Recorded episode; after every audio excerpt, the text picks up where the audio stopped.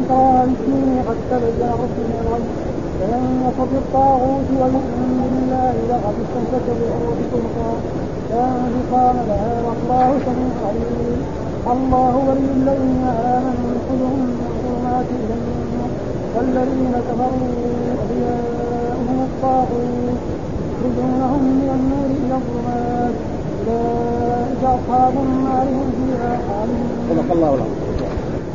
أعوذ بالله من الشيطان الرجيم، بسم الله الرحمن الرحيم. يقول الله تعالى وهو أصدق القائلين لا إكراه في الدين قد تبين الرشد من الغي فمن يكفر بالطاغوت ويؤمن بالله فقد استمسك بالعروة الوثقى لا انفصام لها والله سميع عليم. يقول تعالى في هذه الآية يعني معناها لا تكره أحدا في الدخول في دين الإسلام. هذا لا إكراه في الدين. يعني أيها المسلمون لا تكرهوا أحدا على الدخول في دين الإسلام. ابدا. ها؟ فإن الإكراه لا لا يفيد.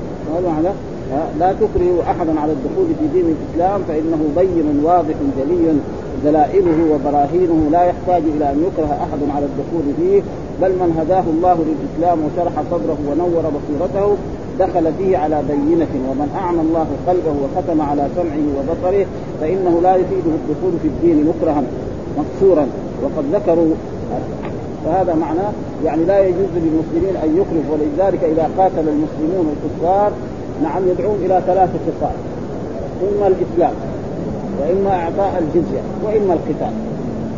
ما يقول إلا تدخل في الإسلام وإلا نحن أبدا. ما ظهر لهم الإسلام يسلموا الجزية. يصيروا إيه؟ لهم مال المسلمين وعليهم مال. ماذا نقاتل؟ أما إكراه فلا ينفع يعني الإكراه. وهذا معنى الآية. يقول لا تكرهوا أحدا على الدخول في دين الإسلام فإنه بين واضح. جلي دلائله وبراهينه لا يحتاج إلى أن يكره أحد على الدخول فيه بل من هداه الله للإسلام وشرح صدره ونور بصيرته دخل فيه. على بينة ومن أعمى الله قلبه وختم على سمعه وبصره فإنه لا يفيد الدخول في الدين مكرها مقصورا وقد ذكروا أن سبب هذا النزول هذه الآية أنه كان ناس من من من, من الأنصار من الأوس والخزرج في هذه المدينة وكانت المرأة ثم تحمل يعني يصير معها إسلام فلا تلد. يعني يصير اسلام فيخرج الجنين هذا ميت. فمرأة قالت إذا يعني إذا رزقني الله ولد سأحوده أجعله يهوديا.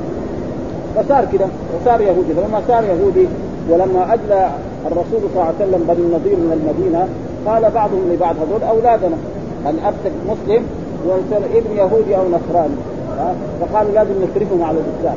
لازم يجيب والده ولا بنته يكرهها على الدخول في دين الإسلام. فأنزل الله تعالى هذه الآية لا إكراه في الدين قد تبين الرشد من الغي. وقصة أخرى كذلك سبب وجود هذه الآية أن رجلا مسلما نعم وكان له ولدان.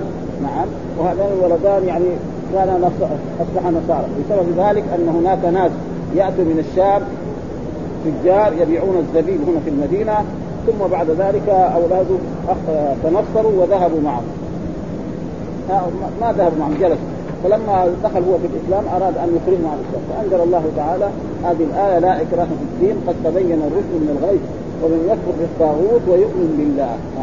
فإذا هذا معنى لا إكراه لا تكرهوا أحدا على الدخول في دين الإسلام.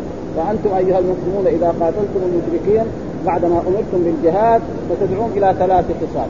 إما الإسلام يصيروا إخوانكم وأحبابكم لهم.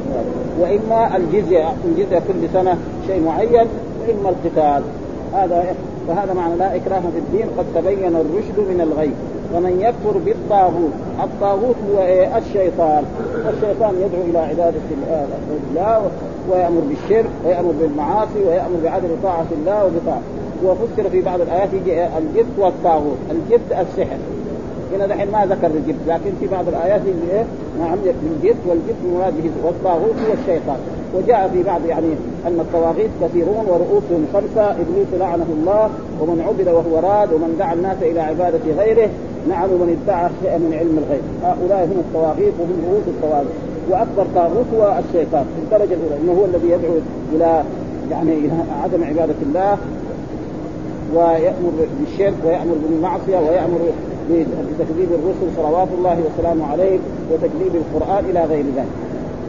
ومن يكفر بالطاغوت ويؤمن بالله ويؤمن بالله سبحانه وتعالى فقد استمسك بالعروة الوثقى. العروة الوثقى فسره بعضهم بالإيمان وفسره بعضهم بالإسلام وفسره بعضهم بالقرآن وفسره بعضهم أن تحب الإنسان لا تحبه إلا الحب في الله والبغض في الله. والمعنى صحيح. كله صحيح. العروة الوثقى نقول إيش هي؟ واحد يقول ما معنى العروة الوثقى في هذه الآية؟ يقول الإسلام كلام صحيح. واحد يقول له ما هي العروة الوثقى؟ يقول الإيمان كلام صحيح. ما هي العروة الوثقى؟ القرآن صحيح. ما هي العروة الوثقى؟ الحب في الله والبغض في الله. كله صحيح. لأن المعنى واحد. ها؟ الإسلام إيه؟ يجعل إيه؟ يمتثل أوامر الله ويجتنب نواهي القرآن كذلك وهذا معناه العروة الوثقى. وقد ذكروا أن رجلا من أصحاب رسول الله صلى الله عليه وسلم وهو عبد الله بن سلام وكان يهوديا هذا يعني بما يرى النائب نائب هو رأى رؤيا أن رجلا أتى به وقال له في عمود من الأرض إلى السماء. فقال له تعال ارقى هذا مثلا ما في درج ولا في يعني ما استطيع ارقى. وفي المنام يعني. فقال له لا تعال. فرفع كذا نفسه و وجاء زي خادم رفعه وصار يطلع يطلع حتى وصل للعروة. ومسكها بيده فلما أصبح الصباح ونزل يعني صحي من النوم وكأن العروه في يده فجاء إلى رسول الله صلى الله عليه وسلم وأخبره. قال هذه العروة هي الإسلام. تتمسك بها وستموت يعني آه وتدخل الجنة. فصار الناس علموا ذلك من رسول الله صلى الله عليه وسلم. فجاء رجل يعني من التابعين جاء إلى هذا المسجد ودخل وجلس مع بعض الناس. فجاء هذا الرجل وهو عبد الله بن سلام ودخل المسجد وصلى ركعتين خفيفتين ثم خرج. فلما خرج قالوا الناس هذا من أهل الجنة. فهو لك أهل الجنة إيش؟ الصحابي اللي قالوا كان هو خرج وراه تبعه مشي معاه إلى وصل بيته. لما وصل بيته قال أنا ضيف عندك. يعني ارغب معاه دخل معاه دخل معاه وجلس معاه. كيف حالكم طيبين لعلك بخير إيش؟ بعد ذلك قال له أنا كنت جالس مع الجماعة وقال إنك من أهل الجنة. كيف هذا؟ فقال له الرؤيا هذه. أنا رأيت رؤيا أن عمودا من الأرض إلى السماء وكنت نائم يعني في المنام نعم. ولما رأيت هذا جاء رجل وقال لي اطلع. قلت لا أستطيع فجاء كأنه خادم ورفعني كذا وطلعت حتى وصلت إلى العروه الوسطى ومسكت بها. ثم صحيت من النوم. فلما صحيت من النوم أخبرت رسول الله في اليوم الثاني أن كذا رأيت كذا كذا. فقال لي الرسول صلى الله عليه وسلم هذه العروه الوسطى نعم وهي الإسلام وأنك ستموت على الإسلام. ها؟ ومعلوم أن من عقيدة أهل السنة والجماعة أننا لا يعني لا نؤمر إن أحد من أهل الجنة ولا أحد من أهل النار إلا إذا كان رسول الله صلى الله عليه وسلم. يعني نحن إيه، الرجل الطائع نرجو أن يكون من أهل الجنة والرجل العاصي نخاف أن يكون من أهل النار. أما ناكد إنه من أهل النار هذا ما يصح. ها؟ فرسول الله صلى الله عليه وسلم شهد لأبي بكر وعمر وعثمان وعلي وطلحة والزبير ولأهل بدر ولأهل بيعة الرضوان ولفاطمة وللحسن وللحسن. والسلام نعم هذول نشهد وأما غيرهم لا. الرجل نشوفه طائع لله ممتثل أوامر الله نرجو أن يكون من أهله. الرجل العاصي نخاف أن يكون ولا يجوز أن نحكم أن فلان من أهله. إلا إذا حكم له رسول الله صلى الله عليه وسلم. فإذا حكم رسول الله مثلا الكفار المشركين كلهم الذين قتلوا في بدر من المشركين هذا ولذلك هذا معناه لا إكراه في الدين قد تبين الرشد من الغي ومن يكفر بالطاغوت ويؤمن بالله فقد استمسك بالعروة الوثقى. ها والعروة الوثقى قلنا سواء قلنا الإسلام أو قلنا الإيمان أو قلنا القرآن وهذا كثير زي مثلا اهدنا الصراط المستقيم في الفاتحة الذي نقرأها في كل ركعة. واحد قال لنا ما هو الصراط المستقيم؟ نقول مثلا القرآن الإسلام الرسول محمد صلى الله عليه وسلم. معنى صح. ولذلك جاء في آية من آيات القرآن إن هذا صراطي مستقيم فاتبعوه ولا تتبعوا السبل فتفرق بكم عن سبيل ذلكم وصاكم به لعلكم تتقون.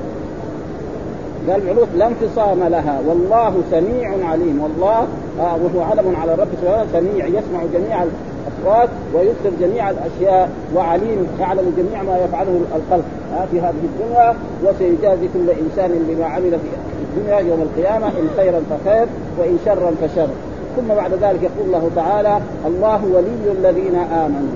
الله ولي الذين آمنوا. إيش أصل الولاية؟ هو جاء في القرآن معنى الولي. ها ألا إن أولياء الله لا خوف عليهم ولا هم يحزنون. الذين آمنوا وكانوا يتقون. هذا الولي. ها يعني صفات الولي إيه؟ الذين آمنوا وكانوا يتقون، إيش قال؟ لهم البشرى في الحياة الدنيا وفي الآخرة، لهم البشرى في الحياة الدنيا. في الحياة الدنيا رب انه من أهل الحياة الدنيا. وفي الآخرة يدخل إلى الجنة. حتى ثم قال بعد ذلك ولا خوف فالأولياء أولياء الله لا خوف عليهم ولا هم ولهم صفات. ها؟ ولهم صفات في القرآن في آيات كثيرة من كتاب الله. منها مثلا قول الله تعالى قد أفلح المؤمنون.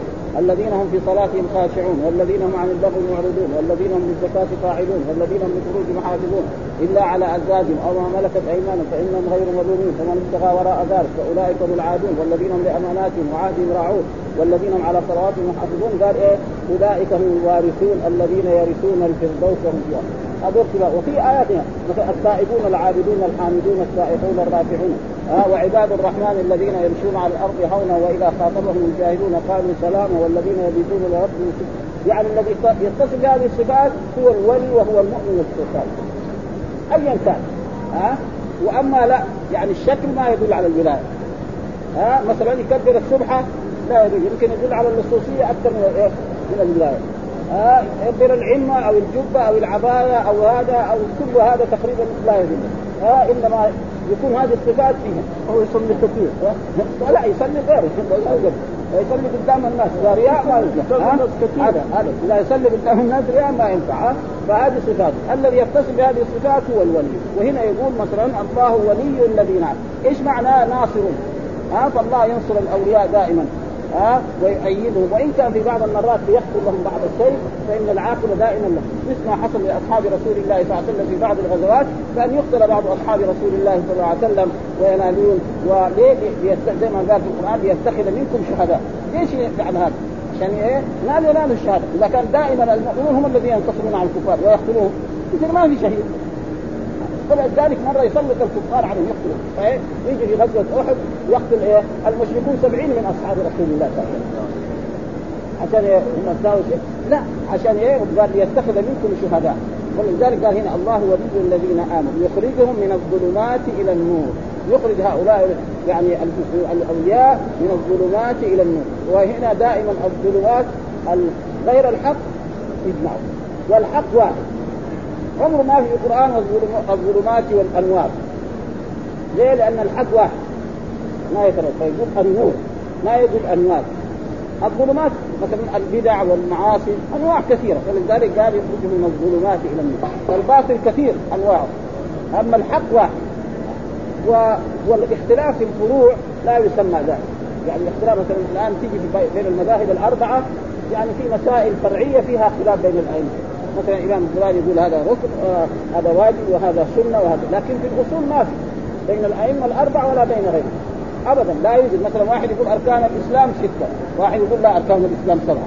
ما في هذا. واحد يقول أركان الإيمان ستة واحد يقول لا أركان الإيمان سبعة. آه واحد يقول أن الله فرض ست صلوات. واحد يقول فرض الله سبع صلوات. الزكاة كذا في الإبل زكاة هذا ما في أبدا. في إيه؟ مسائل فرعية ولأجل ذلك هناك رسالة لشيخ الإسلام ابن تيمية رفع الملام عن الأئمة الأعلام. رفع الملام عن نعم ذكر أن 11 سبب أن إمام من الأئمة يخالف نصا من النصوص. وذكر الأسباب واحد واحد السبب الأول السبب الثاني السبب الثالث حتى عد ال 11 ها؟ وذكر منها منه مثلا الإمام هذا ما بلغه الحديث لأنه ما في إمام بلغته أحاديث رسول الله صلى الله عليه وسلم كلها من اولها إلى هذا لا يوجد لا قديما ولا حديثا. ابدا ها؟ يمكن الناس الآن يطلعوا على أحاديث الناس الأولين ما اطلعوا عليها لكن فهمهم يختلف. ها؟ لأن هذولاك عندهم تقوى أكثر منه نحن لا عندنا تقوى تعبانة. ولا عندنا بيتعلم العلم لازم يحسن وظيفة ويحسن شهادة يصير دكتور يصير ياخذ ماجستير. فهذا العلم ما ما, ما له تأثير في الكتاب شوفوا دحين شوفوا المؤلفات اللي ألفوها. يجي واحد مثلا يأخذ فتح الباري هذا. ها؟ كل الدنيا خلاص يقول حتى قالوا لا هجرة بعد الفتح. وهكذا يعني. في فرق بين ثم ذكر أسباب. ثم بعد ذلك مثل بالصحابة. أن مسائل علمية مثلا أبو بكر الصديق ما يعرف وعمر ما يعرفه ويعرفه واحد من الصحابة الأنصار. مين أفضل مثلا؟ أبو بكر ولا مالك؟ ما حد يقول إلا أبو بكر. إيه؟ بن مالك أفضل من الشافعي. هذا كذا. ومثل بذلك بأمثلة كثيرة منها أن أبا موسى الأشعري جاء إلى إلى عمر بن الخطاب وقال السلام عليكم أدخل فما جاوب. قال بعد ذلك ادخل مثلا آآ آآ عبد الله بن قيس. ثم قال السلام عليكم الأشعري ادخل ما رد عليه. ثم قال مثلا يعني أبو موسى. فما رد عليه جاء راجع. فلما جاء راجع ناداه. عمر قالوا تعال إيش تسوي أنت قال أنا سمعت رسول الله صلى الله عليه وسلم يقول الاستئذان ثلاث فإن أذن لك فادخل وإلا فادخل. قال لازم تجيب من يشهد لك بهذا. ابدا. إذا ما جيت وأنا افعل بك كذا. فدخل المسجد هذا المسجد وقال قال للانصار كذا يقول عمر بن الخطاب قال نحن نرسل معك أصغر واحد فيه أبو سعيد الخدري ما يحتاج نرسل معك ناس من الكبار. يا أبو سعيد روح معه لعمر قال عمر يا شوف. أنا كنت أروح السوق وهذول حفظوا هذه الأحاديث وأنا وهكذا يعني. فلذلك الولي له إيه صفات. أما الشك ولذلك يقول الله ولي يخرجه من الظلمات إلى النور. حد واحد. ولذلك كل القرآن ما في إيه؟ النور النور. ما في أنوار ابدا. أما الظلمات هذه الباطل كثير. الباطل كثير. ها؟ ثم قال والذين كفروا اولياءهم الطاغوت. والأولياء على نوعين. أولياء الرحمن وأولياء الشيطان. دائما. ها؟ وهؤلاء لهم صفات وهؤلاء أولياء الشيطان يتبعوا الشيطان. يعصوا الله يرتكبوا المناكب يشركوا بالله يفعلوا. أولياء الرحمن هذول يعبدون. الله والله ذكر لنا صفات هؤلاء وذكر لنا صفات هؤلاء في القرآن ونحن نعرفهم بإيه؟ بصفاتهم لا بأشكالهم، أما الشكل لحاله وهذا قد يدل على اللصوصية أكثر ما يدل على إيه؟ على الولاية، فإذا كبر العلمه أو كبر اللفه أو كبر الجبه أو هذا أو المشلح أو غير ذلك يعني يمكن يدل على لصوصيته قبله، فنحن نشوف إيش أعماله، ها ولا نحن الظاهر. ما نقعد نروح نتجسس عليه لا لا ما نشوف شفنا رجل طيب ها قال إذا رأيتم الرجل يعتاد المسجد فاشهدوا له بالايمان وما يعرف المسجد إذا نشهد بايه؟ بالنفاق هذا الموت ها رجل دائما إذا جاء الأذان يجي يصلي في المسجد ثم يروح كيف؟ خلاص هذا رجل إيه؟ رجل طيب هذا رجل مؤمن إن شاء الله ولا لا إلا ولذلك الرسول حذر من إيه؟ من الرياء أحاديث كثيرة عن رسول الله أخوف ما أخاف عليكم الرياء قالوا ما هو الرياء؟ قال يقوم الرجل فيصلي فيزين الصلاة لما يرى من نظر الرجل الخير أو يتصدق لأجل يقال إن فلان كريم وجواد ومحسن وغير ذلك. بعدين فلوسه تروح ولا أجر له ولا ثواب. ولذلك في هذه الآيات. يقول والذين كفروا اولياءهم الطاغوت ها؟ الذي هو الشيطان يخرجونه من النور إلى الظلمات يخرجونه من النور. لأن كل إنسان يولد على الفطرة. يعني الإنسان لو ترك وشأنه لولد على الاسلام كما جاء في الأحاديث الصحيحة عن رسول الله صلى الله عليه وسلم يعني كل مولود يولد على فأواه يهودانه أو ينصرانه أو يمجسانه يعني مين البيئة التي هي اللي تخرب وإذا لو ترك كذا يصير مسلم. لكن ما يمكن يعني لكن هذا. فمين اللي يخربوه؟ البيئة حقه. ها فأول إيه؟ أمه وأبوه. ثم يجي مثلا المحيط حقه الغارب لها ثم الشارع حقه ثم البيت حقه ثم بلده. آه فلذلك يعني نحن إذا أصلحنا الفرد وأصلحنا الأب والأم والأولاد يصلح الايش المجتمع كله ويصير فيها. ولذلك هنا الظلمات أولئك أصحاب النار. أولئك أصحاب النار هم فيها. وهذا في إيه؟ في الكفار. يعني مين اللي يخلد في النار؟ الكفار. وأما العصاة لا. لا يخلدون في النار يعذبون على قدر ذنوبهم ثم يخرجهم الله من النار بشفاعة الرسول محمد صلى الله عليه وسلم أو غيره من الشفعاء. على كل حال المؤمن مآل إلى فين؟ إلى الجنة. لا يخلد مهما عمل من المعاصي. ولذلك القرآن يقول قل يا عبادي الذين أسرفوا على أنفسهم لا تقنطوا من رحمة الله. ها إن الله يغفر الذنوب جميعا. وقد تقدم لنا في أحاديث أن رجلا قتل 99 نفسا. فراح لواحد شيخ قال له لي توبة؟ قال له لا ما لك توبة. 99 وكمان تتوب ما في. فقد غلق لي المية. فراح لرجل فقيه. قال له من يمنعك من التوبة؟ التوبة مفتوحة حتى تطلع الشمس المغربيه خلاص يكون المغربيه خلاص ما في توبه ها؟ بس هذول بلاد سوء من هذا البلد تروح إلى بلدة أخرى. نعم. خلاص يعبد الله مع الناس الصالحين. فخرج وفي أثناء الطريق ادركه الموت فمات. فاختصم فيه ملائكة الرحمة وملائكة العذاب. هذول قال جاء داعي وهذول قال فأرسل الله إليهم ملكا فقال قيسوا ما بين الأرضين. فقاسوا ما بين الأرضين فوجدوه إلى الأرض التي يريد أن يهاجر. فأخذته ملائكة الرحمة وغفر الله له وأدخله الجنة ولأجل ذلك العبرة بإيه؟ بالخواتم ولذلك يجب علينا وعلى كل مسلم أن يسأل الله إيه؟ حسن الخاتمة دائما ها أه؟ وجاء في ان أول يعني احدكم لا يعمل بعمل أهل الجنة حتى ما يكون بينه وبينها إلا ذراع فيسبق عليه فيعمل بعمل وإن أحدكم لا يعمل بعمل أهل النار حتى ما يكون بينه وبينها إلا ذراع فيسبق قد حصل ذلك أن رجلا كان كافرا ولما جاء وأسلم دغري أخذ سيفه ودخل في المجاهد كان طول عمره 20 سنة ولا 50 سنة كان دغري مات وهذا يعني تقريبا الآية ونحن نقرأ شيء من ذكره الناس ثم يخص حقوق الناس حقوق الناس هذا عند الله. ما الله ما يغفره. إما يرضي ولا هذا. يقول في هذه الآيات يقول تعالى لا إكراه لأ أي لا تكره احدا في الدخول في دين الإسلام فإنه بين واضح جلي دلائله وبراهينه لا يحتاج إلى أن يكره أحد على الدخول فيه بل من هداه الله للإسلام وشرح صدره ونور بصيرته دخل فيه. على بينة ومن أعمى الله قلبه وختم على سمعه وبصره فإنه لا يفيده الدخول في الدين مكرها مقصورا. وقد ذكروا أن سبب نزول هذه الآية في قوم من, من, من الأنصار وإن كان حكمها عام يعني حكمها عام. قال ابن جرير حدثنا ابن يسار عن ابن عباس قالت كانت المرأة تكون مثلاثا. فتجعل على نفسها إن عاش لها ولد أن تهوده. فلما أجلس بنو النضير كان فيه من أبناء الأنصار فقالوا لا ندع أبناءنا. فأنزل الله تعالى عز وجل لا إكراه في الدين قد تبين الرشد من الغي وقد رواه أبو داود والنسائي جميعا عن بنداب ومن وجوه آخر عن الشعبي نحوه. وقال كذلك عن زيد عن سعيد عن ابن عباس لا إكراه في الدين. قال نزلت في رجل من الأنصار. من بني سالم يقال له الحسيني كان له ابنان نصرانيان وكان هو رجلا مسلما فقال للنبي صلى الله عليه وسلم ألا استكرههما ها فإنهما قد أبيا إلا النصراني فأنزل الله فيه. وذلك رواه ابن جرير وروى السدي نحو ذلك وزاد وكان قد تنصر على أيدي تجار قدموا من الشام يحملون سبيلا فلما عزم على على الذهاب معهم أراد أبوهما أن يستكرهما وطلب من رسول الله صلى الله عليه وسلم أن يبعث في آثارهما فنزلت هذه الآية وقال ابن أبي حاتم عن أبي هلال عن أسبق قال كنت في دين مملوكا نصرانيا لعمر بن الخطاب فكان يعرض علي الإسلام فآبى فيقول لا إكره في الدين ويقول يا أسبق لو أسلمت لاستعنا بك على بعض أمور المسلمين وقد ذهب طائفة كثيرة أن هذه محمولة على أهل الكتاب ومن دخل في دين قبل النسخ والتبديل اذا بدل الجزية وقال آخرون بل هي منسوخه بايه القتال وأنه يجب أن يدعى جميع الأمم إلى الدخول في الدين الحنيف. ها يجب على جميع الأمم الموجودة في العالم أن يؤمنوا بالإسلام ويؤمنوا بالرسول محمد صلى الله عليه وسلم. وشخص أي شخص لا يؤمن بمحمد صلى الله عليه وسلم ويموت فإلى جهنم. ها جميع العالم. القارات السبعه الموجودة الآن أي شخص لا يؤمن بمحمد ويموت فإلى جهنم.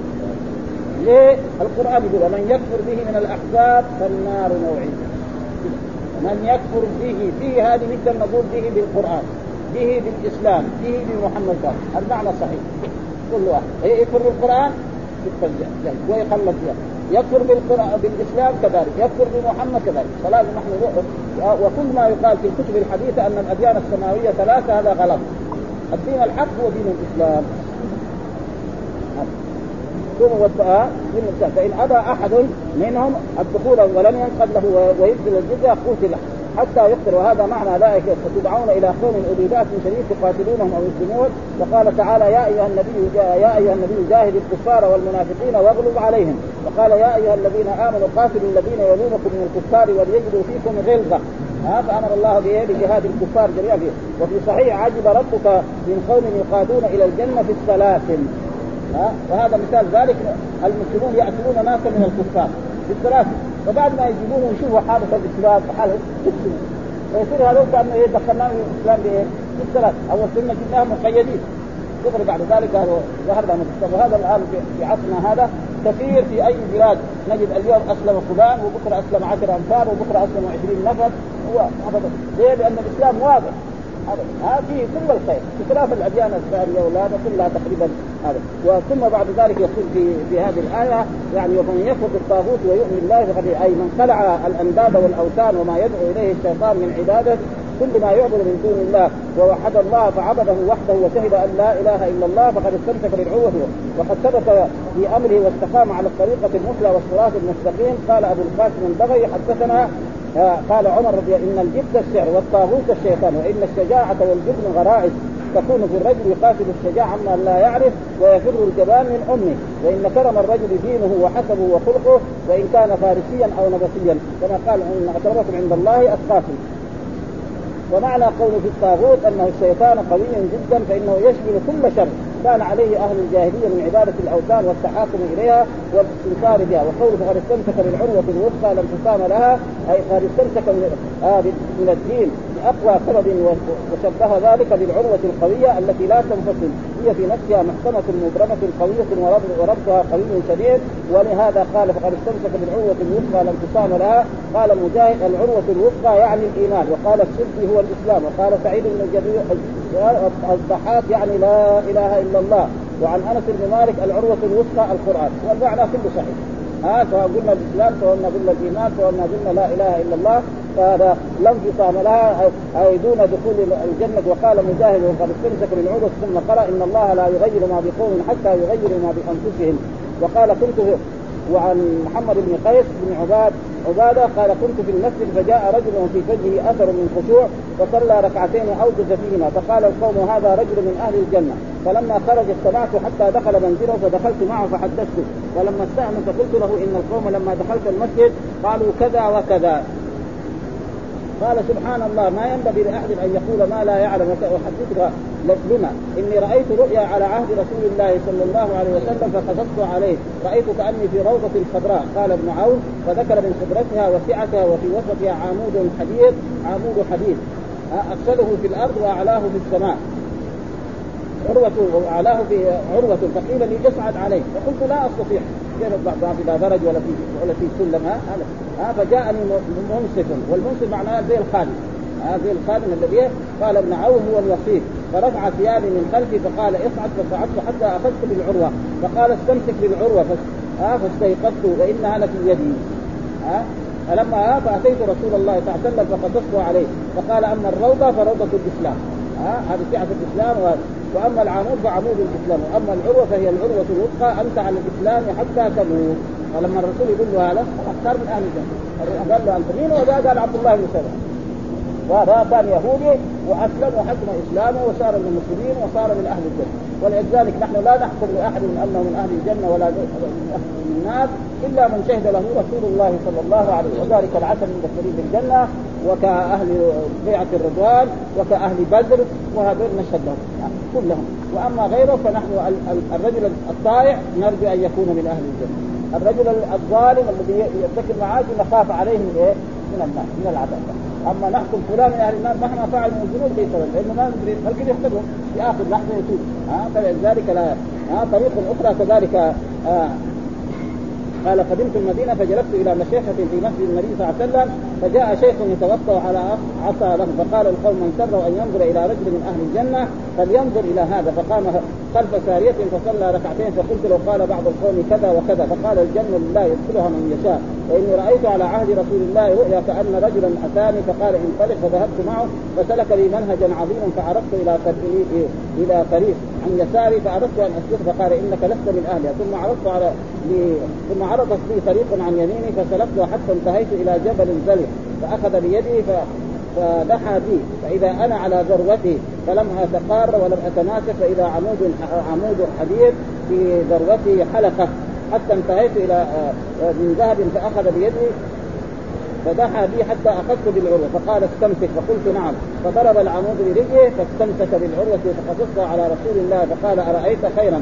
أما المنهج العظيم فالمحشر وأما الطريق التي على يسارك فطريق أهل النار ولست من أهله وأما الطريق التي عرضت عن يمينك فطريق أهل الجنة وأما الجبل الزرق فمنزل الشهداء وأما العروة التي تمسكت بها فعروة الإسلام فاستمسك فيها حتى تموت. قال فإنما أرجو أن أكون من أهل الجنة. برضه هو ما يقول خلاص عشان يقول. ثم قال الله ولي الذين آمنوا يخرجهم من الظلمات إلى النور والذين كفروا اولياءهم الطاغوت يخرجونهم من النور إلى الظلمات أولئك.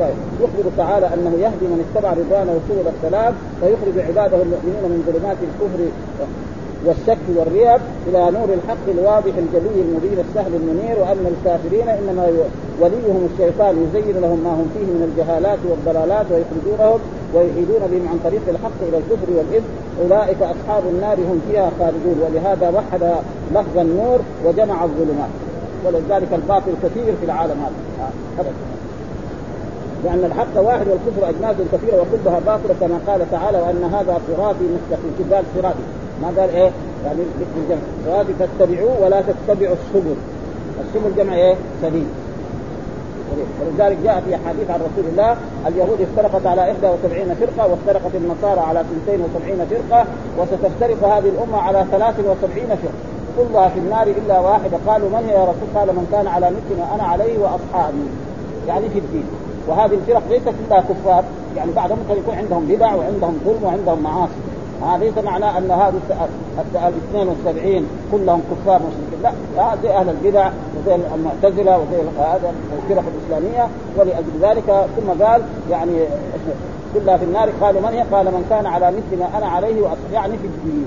ها في الصلاة في الزكاة في الصيام في الحج في أمور الدين. أما في الدنيا الرسول قال أنتم لدنياكم أفضل. فلا يلزم أن نأكل كما أكل الرسول أو أن نشرب كما شرب الرسول أو أن نسكن في المسكن الذي سكنه الرسول هذا مو لازم. ها؟ فإن الرسول حج على البعير. نحن نحج الآن في ذهاب بالطائرات ما في بأس. طائرات واحد يجي من من أمريكا إلى مكة في يوم واحد. ويقعد ثلاثة أيام ويرجع بلده حاج. والناس الأولين الرسول لما سافر هنا أخذ ثمانية أيام مع إنه سافر سفر العرب.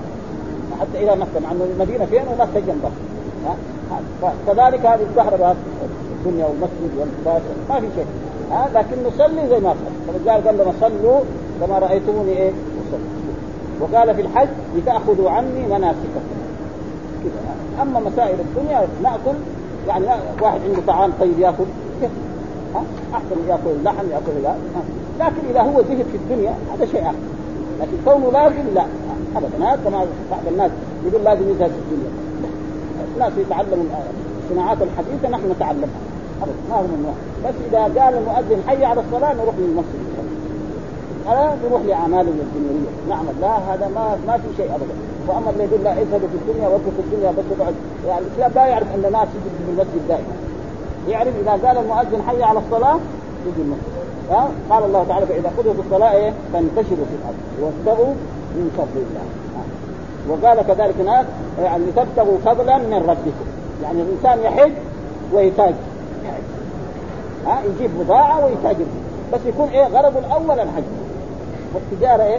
ما إذا كان لا أول التجارة هذا يصير على كل حال. يعني ما في ها مثلا نحن نعرف الآن في عصرنا هذا في تجار الشنطة. تجار الشنطة معناها يجيب شنطة كذا كبيرة يشتري فيها أدوات غالية جدا في المملكة العربية السعودية هنا يروح يبيع الاشتراء ب 10 يبيع ب 50 في بلد أو في ميزان ثاني. جايز يعني؟ جايز؟ ما فيه شيء؟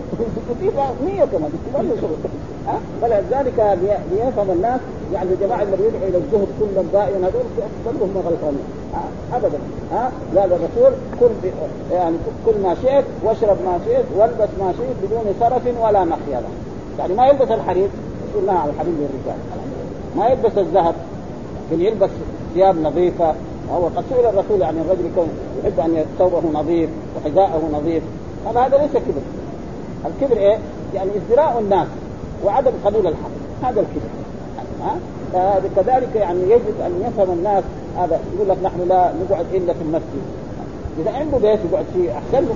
بيته نظيف وأحسن ما يكون. ما في يعني يعني بس من فين أتى بهذه الأموال. سيسأل بعدين كل قرش من فين جبته فيما صرفته هذا سيسأل عنه. اما كونه يتمتع بالدنيا هذا يركب سيارة الآن. يركب سيارة. يجيبها. من فين جاب الفلوس حقت السيارة؟ هنا هذا السؤال على هذا المكان. هذا النقاش اللي سيسأل. ها ولذلك يقول وأن هذا صراط مستقيم. ولا تتبعوا فتفرق بكم عن سبيل ذلك المصاب وجعل الظلمات والنور وعن اليمين والشمال إلى غير ذلك من الآيات. فقال الله ولي الذين آمنوا يخرجوا من الظلمات إلى النور والذين كفروا أولياءهم الطاغوت يخرجون من النور إلى الظلمات. أولئك أصحاب النار هم فيها خالدون. والحمد لله رب العالمين وصلى الله وسلم على نبينا محمد وعلى آله وصحبه وسلم.